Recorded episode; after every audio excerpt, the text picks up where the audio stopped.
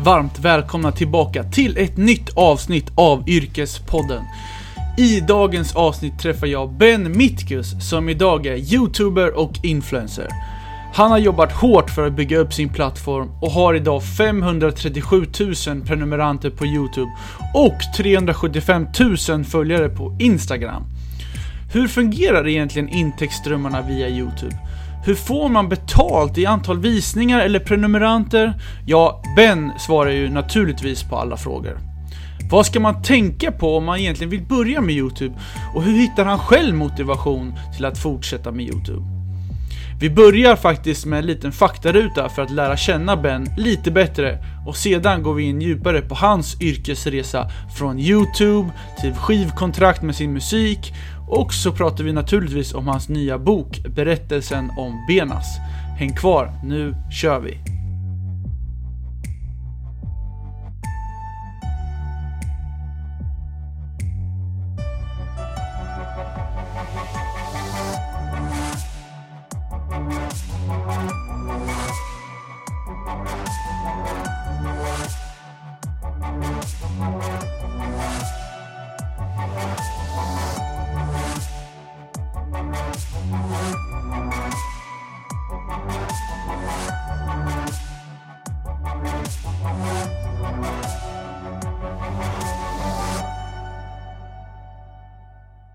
Välkommen till yrkes... Nej vi måste, vi måste bara Ah, först okej, okej nu kör vi. Okej.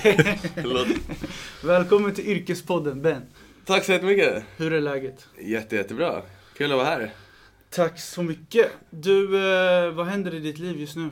Jävlar, du är rakt på sak. Vad händer i mitt liv? Jag har precis släppt en bok om eh, mitt liv, självbiografi. Så eh, det är väl det som händer just nu som är mest aktuellt. Eh, och sen sitter jag här också och gör Yrkespodden med dig. Precis. Vi kommer faktiskt komma in lite på boken snart, den står ju precis bredvid mig här. Eh, Men eh, vi tänkte börja lite med en faktaruta, så vi Ja. kommer lite närmare dig. Så det är bara shoot när du får frågan. Så ålder, 24. familj, Familj? ja, har du syster, brorsa? Jaha, du menar så? Ja. Okej, okej. Ja, men jag har, jag har mamma, har pappa, men han bor i England. Syster och en flickvän. Eh, Utbildning då? Utbildning, eh, jag har eh, inte någon så här riktigt utbildning så. Gymnasiet? Alltså gymnasie, exakt. Men inte så här, okej, kock typ. Jag förstår. Eh, Vart bor du någonstans då? I Sankt Eriksplan. Eh, vad har du för lön? Eh, 25 000 i månaden. Eh, vad har du för hobby? Eh, Youtube. Youtube. Eh, vad lägger du dina pengar på? Ja, typ mat. Det är bra, man måste ju hålla sig vid liv. exakt. eh, vilka språk talar du? Eh, Svenska, engelska, litauiska, italienska. Okej. Är du bra på italienska eller? Jag kunde flytande förut, men nu förstår jag bara lite mer. Jag pratar som, men jag pratar med brytning nu tror jag. Ah, okej. Och litauiska, det kan du flytande? Det är flytande. Ah, okej. Mm. Eh, vad var ditt eh, drömyrke när du var liten? tror jag ville bli polis. Varför Vid då? många tillfällen. Jag vet inte. Ja, jag, jag vet faktiskt inte. Det var typ så standard. Så här, man ville vara polis typ. Ja. Alla andra kompisar vet, han ville bli polis. De var häftiga när man var liten. ja, men det var så här väldigt nice. Det var så här heroic. Jag förstår. Du, eh, har du körkort? Nej. Så då har du ingen bil kanske? Mm, Nej. Nej, för det var min andra fråga om du hade bil. Men eh, favoriträtt att äta? ja, jag skulle ta Karins lasagne. Karins lasagne? Eller, eller, eller fisk, eller någonting som innehåller svamp. Mm. Fett nice. Nice. Vad är ditt eh, favoritklädesplagg? Favoritklädesplagg? Precis. Någon gosig jacka nu skulle jag säga, nu till vintern. Så här. Nu har jag inte med mig en sån, men du vet, en sån här gosig sån nallebjörnjacka. Ja, nice. Eh, vad är ditt favoritställe att eh, resa till då? Ställe? Ja, så resa. Eh, jag har inte så, så att jag reser till något ställe regelbundet. Men fa- favoritresmål som har varit hittills, det har varit Island tror jag. Island? Ja. Varför då? då? Vackert. Det var liksom, det var som så Windows bakgrundsskärm vart jag än kollade. Det var oh my god. Såg väldigt nice ut. Riktigt harmoniskt. Var ni på den här, eh, vad heter det? Blue Lagoon? Ja. Vet, ja, Ja, var ja, den ja. nice eller? Ja, fantastiskt. Oj. Nice. Eh, du, om du var tvungen att välja Youtube eller Instagram? Youtube. Youtube. Ja. Härligt. Ja men då är vi igång. Du... eh, Nu är vi varma. nu är vi lite varma i kläderna, precis. Eh, men du, vi börjar lite. Vart är du uppväxt? Jag är uppväxt i Solna skulle jag säga. Solna och Jakobsberg i majoriteten av livet. Är det där du gick eh, gymnasiet också? Gymnasiet gick jag i eh, Liljeholmen. Och eh, om vi går in lite på just gymnasietiderna, hur, hur skulle du beskriva gymnasietiderna? Alltså, jag tog ju första året på gymnasiet så tog jag i Jakobsberg. Det var NT-gymnasiet. Jag tog ju för att det var nära hem. Det var så fem minuter ifrån. Så jag, jag tänkte inte riktigt vad jag tog, jag tog natur. Sen när jag såg att det var knas med matte där, man behövde fet miniräknare och grejer och jag bara shit, det här kommer jag inte kunna... Det jag lär mig nu på matten, det kommer jag inte att kunna... Jag har ingen nytta av det. För det är så här, vad ska jag räkna ut det här liksom? Eh, Så jag kände att det var så lite så här hjärntvätteri det där. Så jag, jag slutade gå till skolan, för det var jättemycket matte på natur. Okej. Så då eh, hoppade jag av efter halvåret. Så började jag en ny linje, jag fick om. Så jag började i samma skola fast arkitektur och teknik. Okej. Låter avancerat. Och då var det jättemycket så här vid datorn att man skulle man skulle räkna också väldigt mycket i datorn och det, jag trodde man skulle rita med en penna liksom, sådana grejer, men det var design på datorn och sånt. Okej. Så jag tyckte också det var så här, vad fan. så jag hoppade av där också. Så tänkte jag, jag måste gå om igen. Och då bytte jag till musikinriktning i Liljeholmen. Och då kändes det liksom, det klaffade där. Det klaffade där. Ja. Varför var det just där? Var det just musiken då eller? Bland annat, för där kändes det så att det var genuint, att det, det är någonting jag tycker om. Eh, att det kändes inte som att det var plugg nästan. Det kändes som att shit, nu lär jag mig någonting som jag vill lära mig. Jag fattar.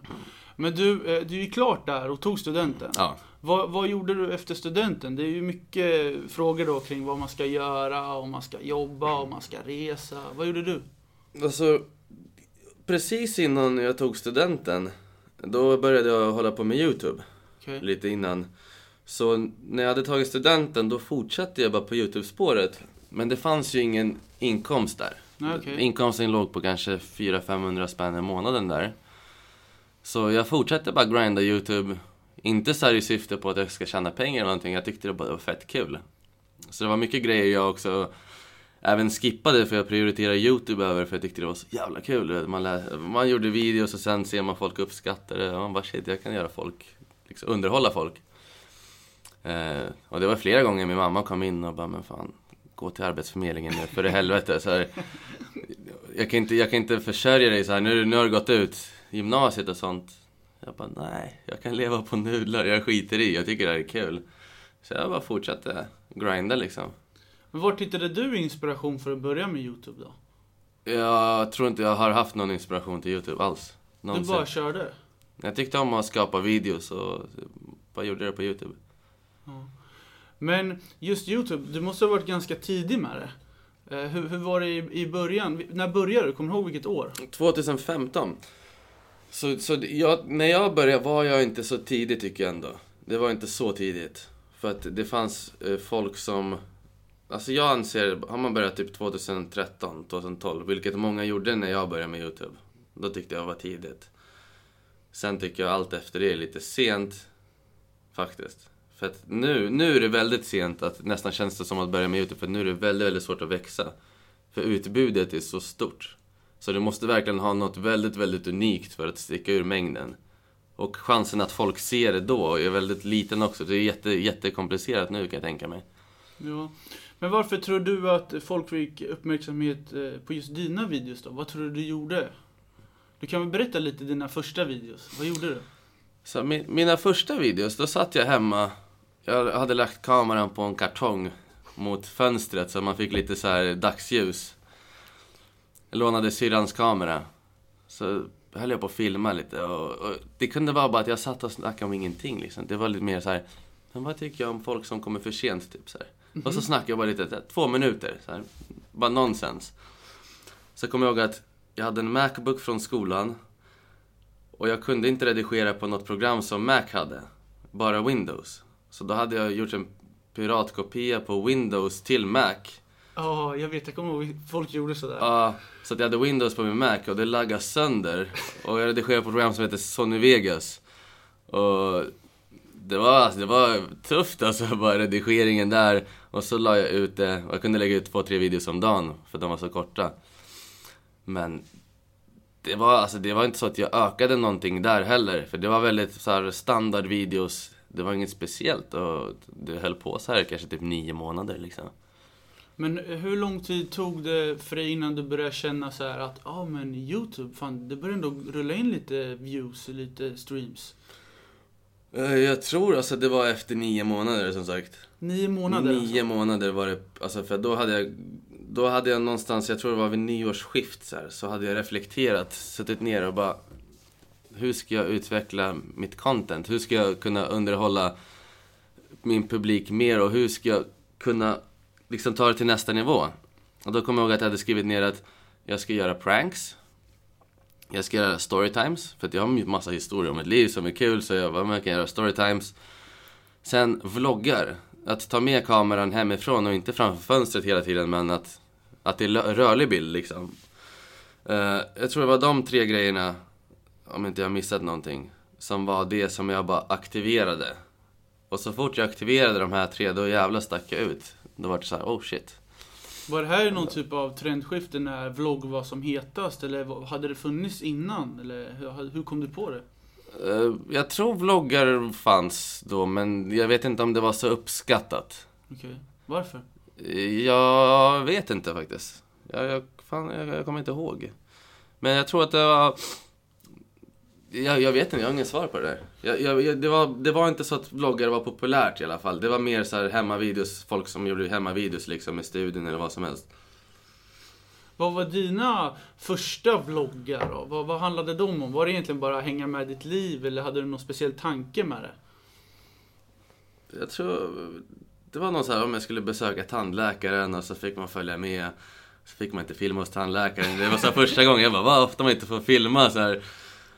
Så smygfilmade vi ändå lite. Och det var... Det, det kändes som att nu tog man YouTube till en ny nivå. Det var lite spännande att filma för att det är fortfarande än idag. Man får inte filma på vissa ställen, det. även fast ingen annan syns i bild. Det är så här, ja men jag ska köpa lite mjölk på ICA, så är det någon som kommer säger till. Man bara, vad fan. Så här. Det är ändå reklam till er alltså. Jag gör ju inget fel liksom.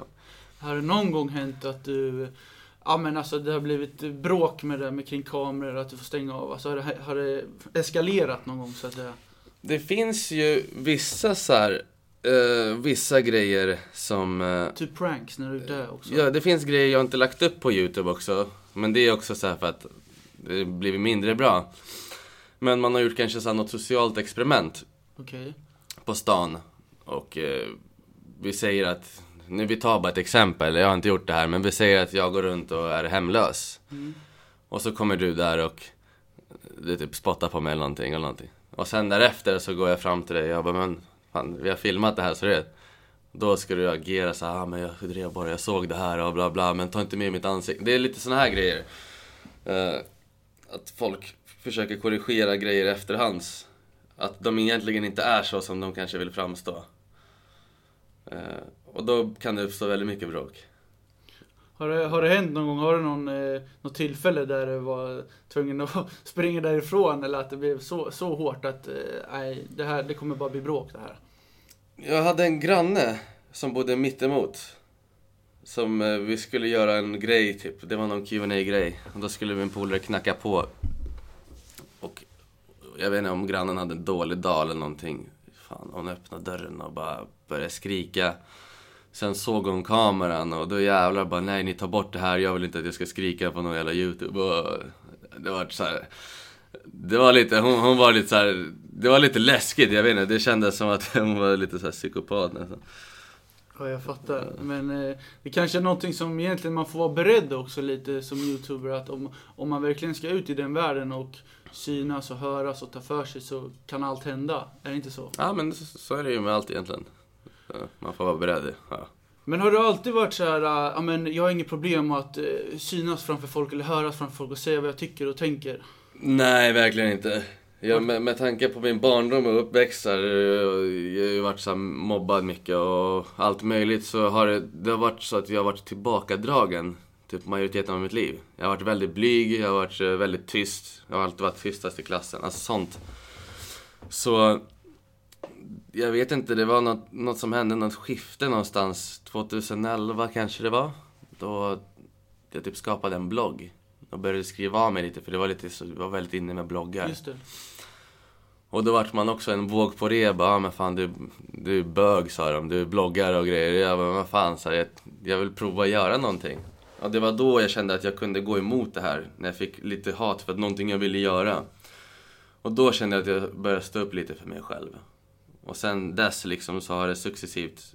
Nu, jag, jag tar ingen skit nu. Men jag kommer inte kasta skit på någon heller. Jag kan absorbera det. Jag fattar. Men när man får mycket skit som, eh, man kan få det lite som offentlig person då. Mm. Men hur, hur, tacklade du det i början? Det vill säga alltså alla hat i början. Det måste ju varit en, eh, en jobbig situation. Alltså på internet. Ja, precis. Jag, jag, har nog, jag är nog ett av de här få personer som uppskattar kärlek mer än hat. Känns det som. För att jag vet att 99% nästan av alla influencers, youtubers, de lägger så mycket tid och, och kraft på hat. Det vill säga, får du 100 kommentarer som är positiva och du får två kommentarer som är hat, så lägger de mycket fokus på det. Och då sitter de där och bara, men fan, stämmer det här verkligen? Ja, det kanske, du vet, istället för bara, oh man, du, du får så mycket kärlek, ta in det där liksom.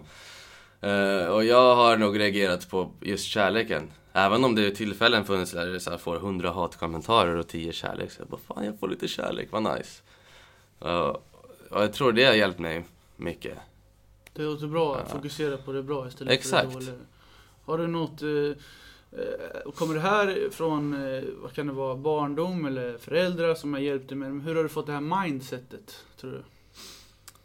Gud, jag vet inte. Jag bara, ju mer, ju mer tiden kommer, desto mer jag känner det så här. Jag blir typ smartare, fast inte så här smart, smart så, men just mindset, hur jag tänker kring grejer och hur jag objektivt ser på grejer, saker och ting. Att det- det är väldigt hälsosam mindset jag har. Att jag har bra välmående på grund av den och jag, jag tänker fritt och jag accepterar folk och det, det är nice. Men jag tror inte, jag vet inte om det är från min barndom. Jag tror det är för att jag började meditera och grejer.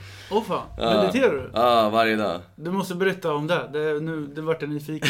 vad, vad gör Vadå, du då? gör du också det eller? Nej, nej, jag gör inte det. Det är därför jag vill, eh, bli lite nyfiken. Vad gör du för meditation då?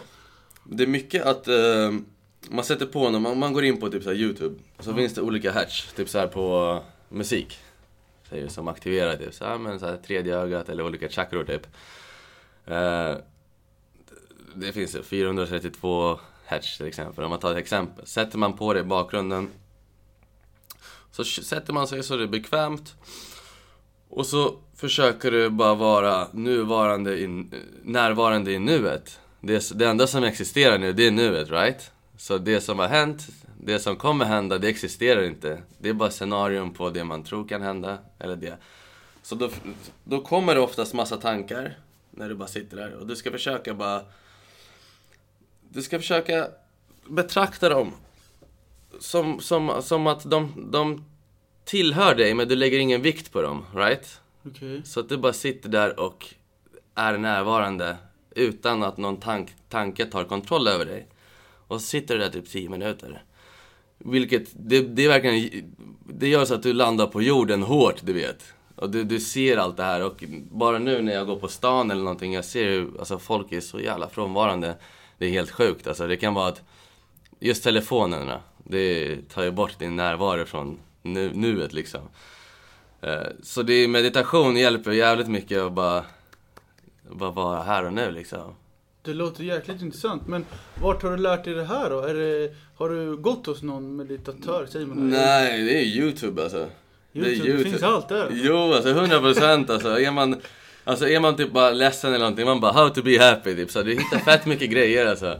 Hun- Eller bara så här, ah, men how to get a girl, eller how, det, det, allt finns där liksom. Ja, det, det är en bra plattform. Man får, får mycket information därifrån. Men Men samtidigt kan det vara mycket miss, alltså, dålig information också du vet, men Men man, man, man, du ser ju, det är hellre att du litar på något i videoformat och ser kanske någon som är before and after. Eller text liksom. Ja. Det ligger någonting i det. Mm.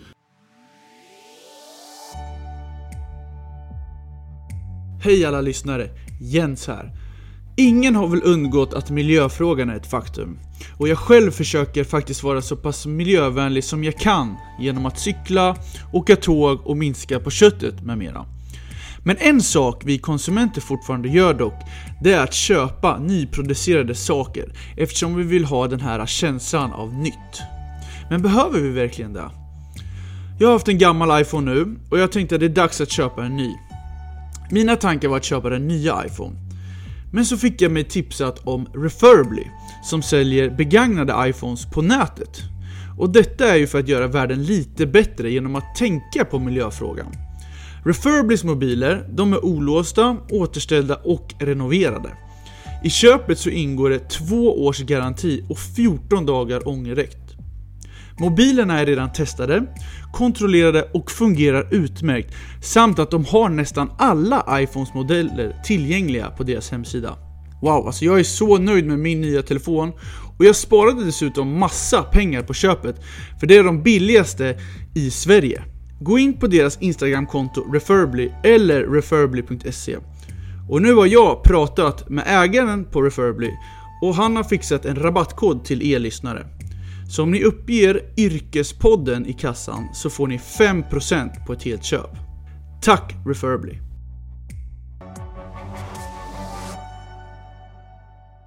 Men om vi går in lite mer på Youtube, för jag har lite frågor kring Youtube och det kanske lyssnarna också undrar lite så här.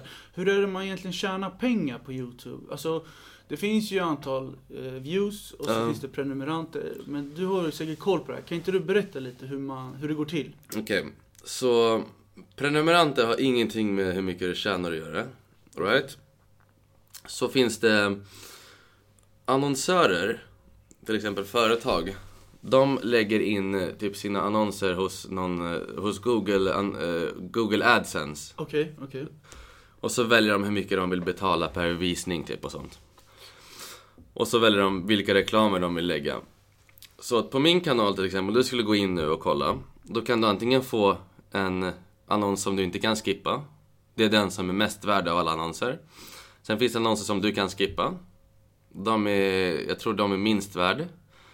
Och sen finns det såna här korta annonser, så här 4-5 sekunder. Och sen finns det sån här liten banner också som kommer som du kan klicka bort, du vet. Och det är de här annonserna som genererar inkomsten. Och det är inget annat som gör det. Det är bara det. Eh, och det varierar från månad till månad. Så typ till exempel om man tar en miljon visningar, bara nu så här snitt. En miljon visningar skulle kunna motsvara, i mars månad skulle det kanske kunna vara 20 000 kronor.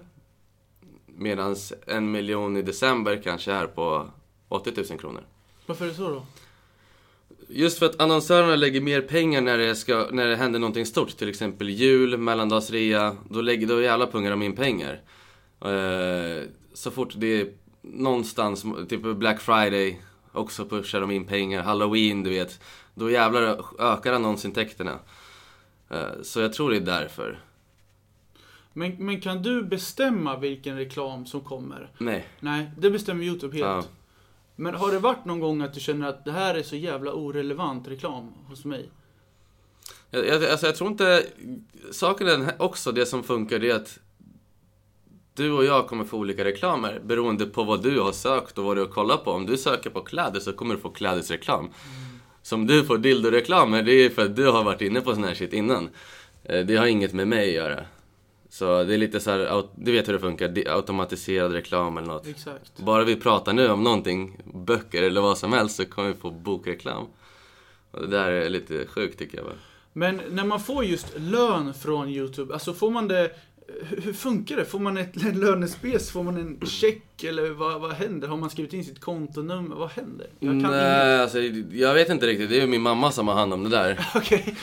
Men det kommer in till eh, vårt bolag Okej. och sen tar jag ut en lön därifrån. Mm. Vilket är 25 000 i månaden tar jag ut. Men det är typ att Youtube är din arbetsgivare som, som skickar över pengar? Eller Exakt, Är det... ja, men det är Google. Google. Google. blir det, exakt.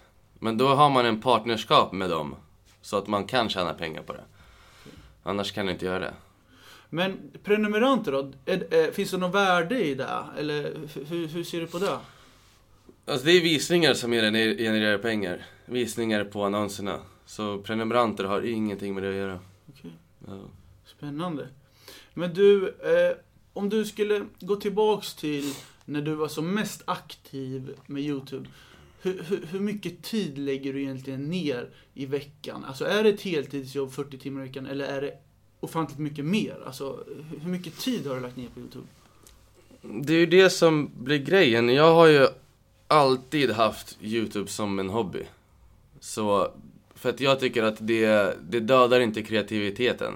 För så fort du har kreativt jobb och jobbar väldigt mycket så tror jag att det kan förstöra kreativiteten. Eh, Och jag har provat att jobba med Youtube några gånger men jag märker att det är fan jobbigt. Så att när jag, jag hade en period där jag la upp videos varje dag. Jag tror det är en månad gjorde jag det. Så då, då såg en dag ut så här att jag vaknar upp och jag börjar filma, vi säger vlogg. Vi säger att jag vaknar runt 11-12 eller någonting på dagen. Börjar filma. Jag är klar med vloggen kanske 9-10 på kvällen. Sen sitter jag och redigerar den fram till kanske 4-5 på morgonen. För att lägga mig och dagen efter göra samma sak. Och, och då är det också så här, tänker man vloggmässigt, vad, vad ska jag göra idag som ska vara intressant att vlogga? För det börjar, det börjar komma till en nivå att man gör grejer som man kanske inte vanligtvis hade gjort. Så bara, fan det måste bli en bra vlogg, ja men fan jag drar till Gröna Lund idag då. Och då, du vet, det blir så här, det blir nästan som att du jobbar 24-7. Och det tyckte jag fan inte var så hälsosamt. Och folk uppskattade det såklart, de tyckte det var nice, men fan, jag gick in i väggen hårt där alltså. Ja, för jag kan ju tänka mig de som bara sitter och kollar tycker det är skitkul och skitspännande att följa din vardag och så, men, men det blir otroligt krävande för dig. Mm. Och sen som du sa, att ja, men, eh, om du går in i väggen där, alltså, hur, hur hittar du motivation till att fortsätta med sånt här? Jag, jag tror det bara att, att, eh, att hålla det på en hobbynivå tror jag. Det är det som gör att jag är motiverad. Att när jag väl kommer på en idé, jag tvingar inte fram någon idé. Att det bara ploppar upp, jag skriver ner den. Sen gör jag det när jag känner för det. Inte okej, nu måste jag göra det. Eh, och det, det, det just, just med YouTube så är jag så nöjd att jag har det på hobbynivå. Jag förstår. Att, att det, det blir så mycket bättre tycker jag. Men planerar du mycket? Typ, för det, jag kan ju tänka mig att det blir mycket planering i det här. Typ om vad jag ska göra den här dagen, vad ska jag göra nästa dag? Vad, för att det ska bli content. Ja men nej, nej, nej exakt. Det är när jag jobbar med YouTube. När jag gjort så här en månad här, när jag gjort en månad där. Då har jag planerat. Annars planerar jag ingenting. Ingenting? Nej. Men till exempel, idag vloggar inte jag. Men bro, ifall jag hade vloggat idag, det hade varit fett guldvlogg. För att idag, jag kan känna så här, okej, nästa vecka tisdag, då vill jag vlogga. Eftersom jag ska göra det här. Då vet jag, då kan jag vlogga. Förstår du vad jag menar? Typ idag har jag varit så här på Aftonbladet, på DN och sen har jag gjort massa grejer, värsta taxiolyckan också och så bara... Taxiolycka? det var en buss som körde in i taxin, jag var ju så här, Va? Idag? ja, Vadå? Vad satt du i taxin? ja. Vadå? Vad hände nu? Vad fan? Berätta. Nej men han skulle backa och bussen bara åker in i han typ och sen bara försöker han rymma typ så här. Han försökte rymma. Så taxichauffören han bara, men ska jag släppa av det här eller så får du boka en ny för jag måste följa efter honom. Jag bara, nej jag vill följa med så. Så jag följde med. Jag menar bara sådana här vloggar. Det kan du inte skapa. Och man märker ju när det är genuint, när det händer grejer. Bara nu när vi sitter här och det, det är nice att, att ha naturliga vloggar. Det blir så mycket mer givande. Jag förstår. Men du, eh, Youtube, du lägger ju upp också mycket musikvideos och musik på Youtube. Ja. Och musik har ju troligtvis varit ett intresse sedan du gick på gymnasiet där. Ja. Eller hur, hur, hur kom du in på musik? Jag tror, alltså, eftersom min mamma och pappa har båda varit så här jättestora artister i Litauen. Väldigt, väldigt stora. Så har jag, ja, jag hörde väldigt mycket musik och instrument spelas hemma när jag var liten. Så jag har haft väldigt lätt att plocka upp instrument. Så när jag körde piano när jag var liten då var det så här, min utveckling var ju out of this world. Okej. Sen också även när vi hade gitarrlektion i skolan. Så det jag lärde mig på fem minuter tog ju kanske typ en timme för de andra. Och då vart det lite, men fan det ligger ju någonting i det här. Så då valde jag att plocka upp det i gymnasiet sen.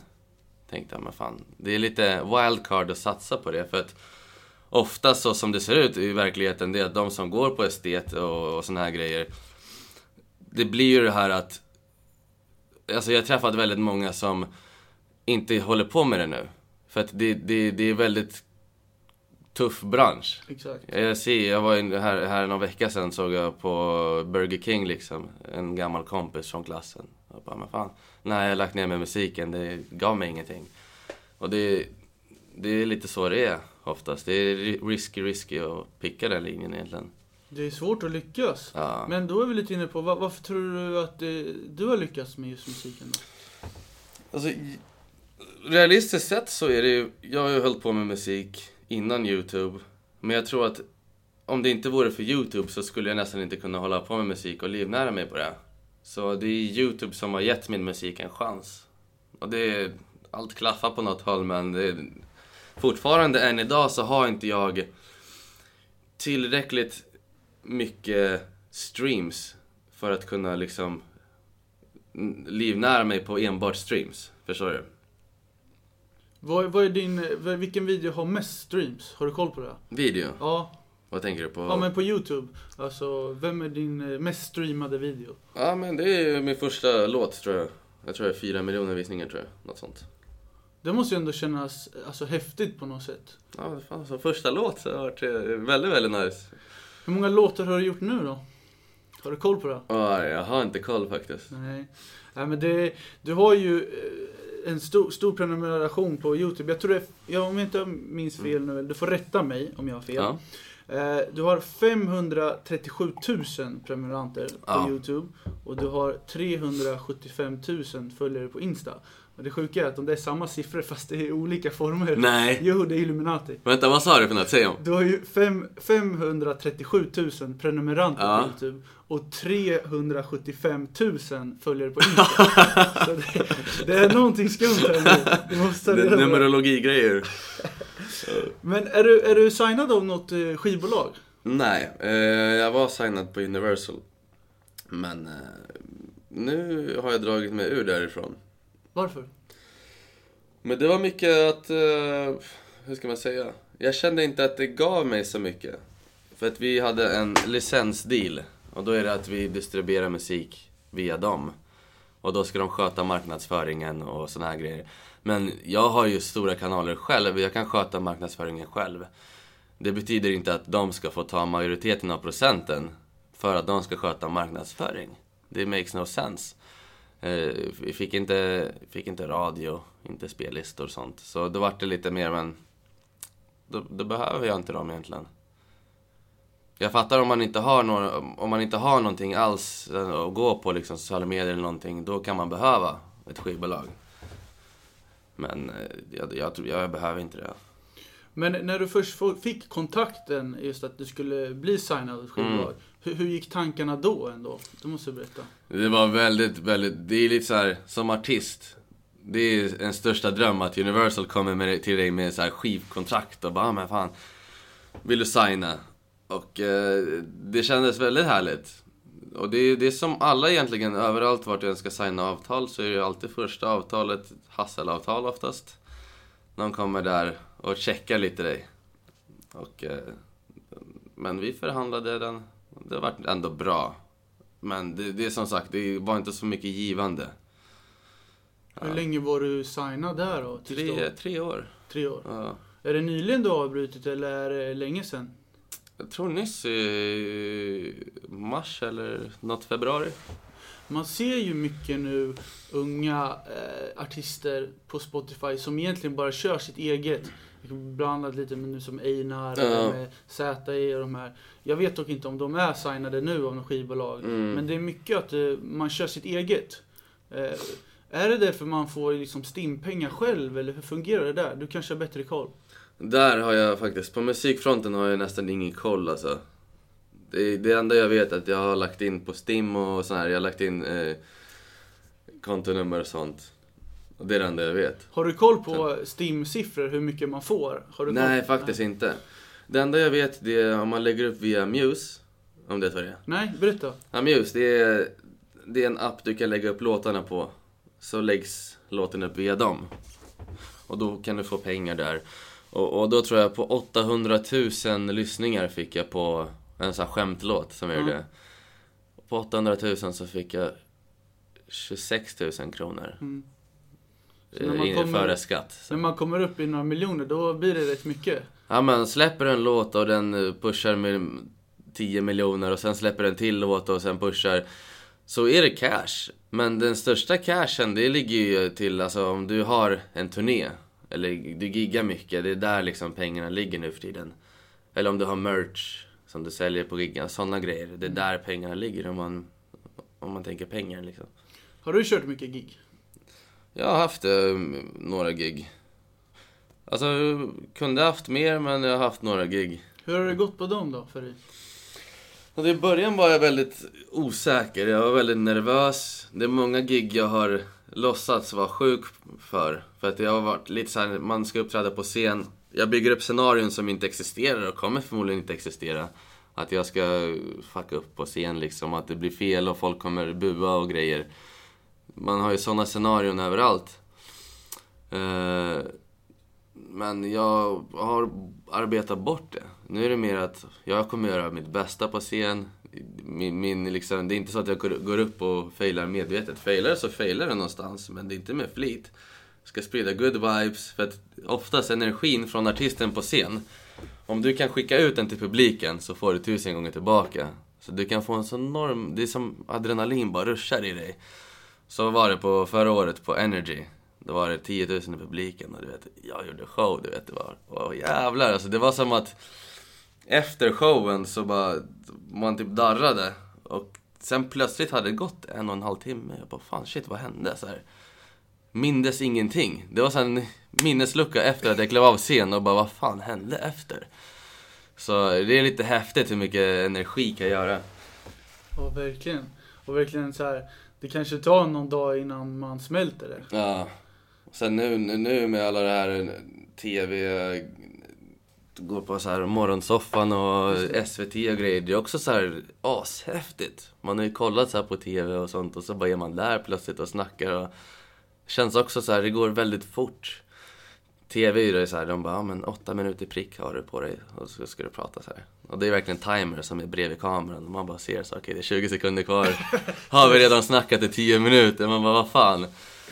Så, Men det är häftigt alltihopa. Allt som kommer mer är häftigt faktiskt. Om man kan ta in det. Det är mycket stress. Jag förstår. Men eh, också kul att eh, få berätta mycket om ditt liv och eh, även din bok. Mm. Som är väldigt ny. Eh, och eh, vi, vi faktiskt eh, snubblar in på just din bok nu. Och då kan vi egentligen börja med att, ja, men varför, varför har du skrivit en bok? Alltså, det är ju nu så många influencers som är aktuella. De får ju den här förfrågan oftast. men vill göra lite musik, mjölka lite pengar där. Vill göra en bok för de flesta liksom. Mjölka lite pengar där. Och då kontaktade de mig där, men skulle du vilja göra en bok?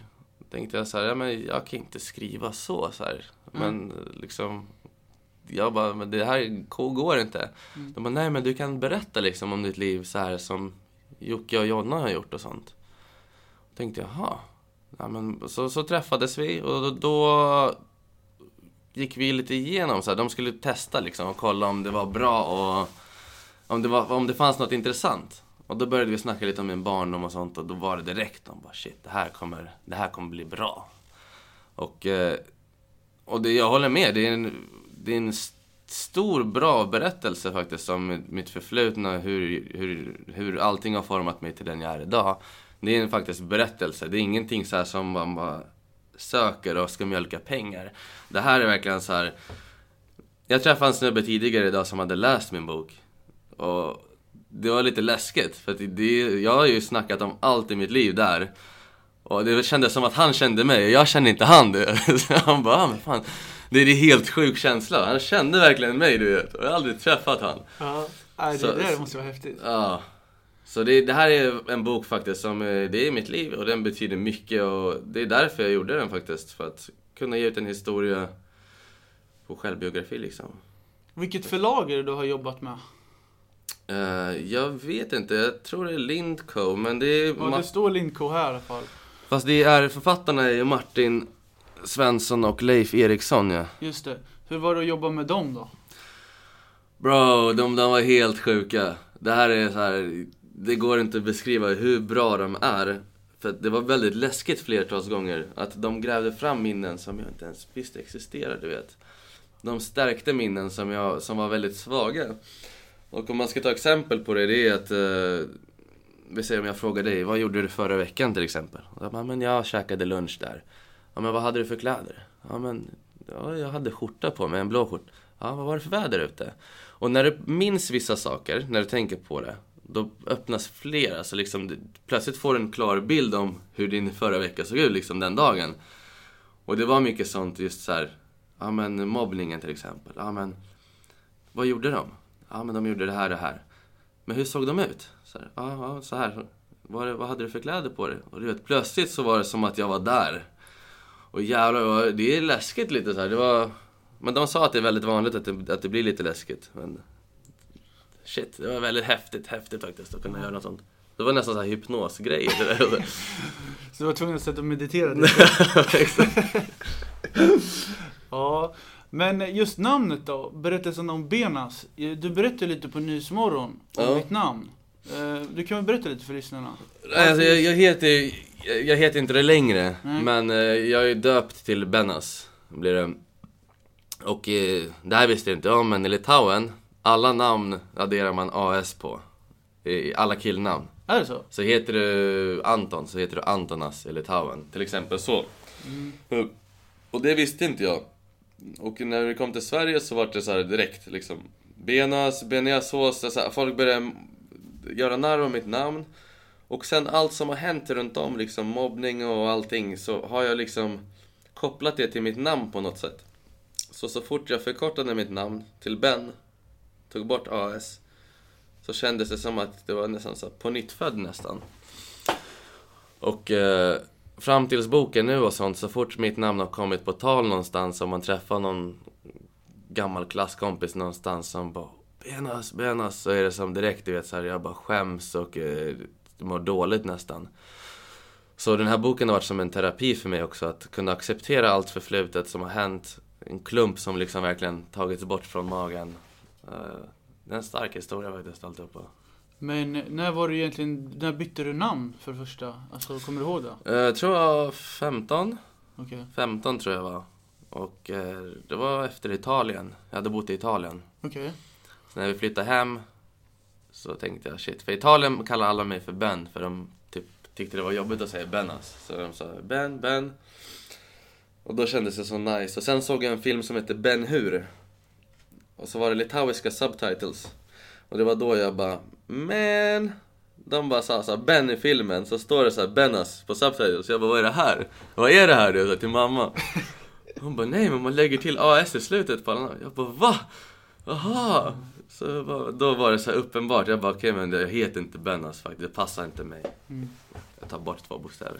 Jag måste gå in på det, här. ni bodde i Italien, bodde, alltså, jobbade dina föräldrar i Italien då eller vad, vad gjorde Nej, min mamma hade träffat en ny kille som var italienare. Så vi flyttade dit. Vart i Italien bodde ni då? I Sicilien. Åh oh, fan, det är längst maffian. Ja, exakt. Ja, häftigt. Det är Ja. kul ändå att bott lite utomlands och så.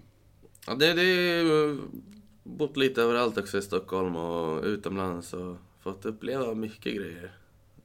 Mycket roligt. Men du, om eh, en lyssnare här vill eh, läsa din bok, eh, vad, vad, vad kan de ha för förväntningar, typ? Alltså jag, jag skulle säga en stark historia.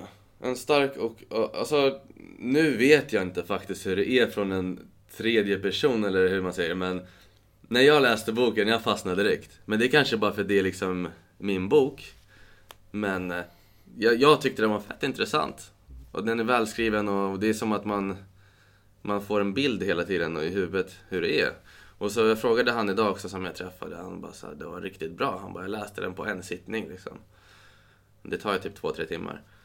Så det är väldigt kul. Väldigt kul men läskigt men jag är, ja, om man vill ha en, lyssna på en bra historia eller det finns ju ljudbok också.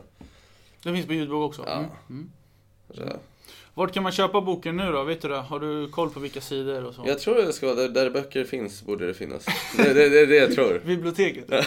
jag vet inte, det borde väl finnas lite här och var. Ja. Du, vi ska faktiskt eh, avrunda lite Ja, det är så? samtalet. Yes. Nej, hur länge har vi varit här nu? Och vi har hållit på i snart 45 minuter. Va? Ja, det går fort. Time flies. Vi gör det när man har kul. Oh. Men du, eh, vad alla gäster i Yrkespodden, eh, de får alltid avsluta med att ge eh, lite tips. Mm. Eh, och eftersom att du, ditt huvudyrke blir just YouTuber, Ja. så ska du få ge eh, tre avslutande tips till hur, hur man blir en bra YouTuber och vad man ska tänka på. Mm. Så om du går igenom ditt, ditt huvud lite nu, så vad skulle du säga är tips nummer ett för att lyckas på YouTube? Tips nummer ett skulle jag säga är att göra exakt det du vill göra och inte försöka efterlikna någon. Att du ska göra exakt som någon annan. Du ska vara dig själv och hitta dig själv först liksom. Att du bara vet vem du är. Och, och göra det. Så du bara fortsätter. Och sen nummer två skulle jag säga att hoppa på trender. Varför inte? Det är jättebra. Om det är någon trend som eh, håller på att poppa liksom, så bara okej, hoppar du på den och kör den. För den visar din personlighet på samma trend. För att alla gör trenden, det säger vi, men det är personligheterna som sticker ut. Så då får de lära känna dig. Och tredje skulle jag säga är att eh, använda musik.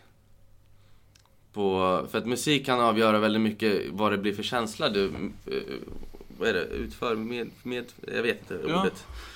Vad är det för känsla som utstrålar från videoklippet? Mm. Så det, det kan vara nu bara om du sätter in en så här eh, sad violin, så här piano, så blir det plötsligt så här, det, blir, det blir väldigt så här ledsamt. Eller om du sätter på en så här, någon glad musik, så bara ja, what's up, det är alltid bra. Så musik gör väldigt mycket. Och där hade du chans att lägga in musik. Tre superbra tips av Ben Mitkus. Du, eh, tusen tack för att du var med i Yrkespodden. Tack så jättemycket, det var, var väldigt, väldigt kul och häftigt. Det här är nice. Då säger vi hej då. Hej då! Tack för att ni lyssnade.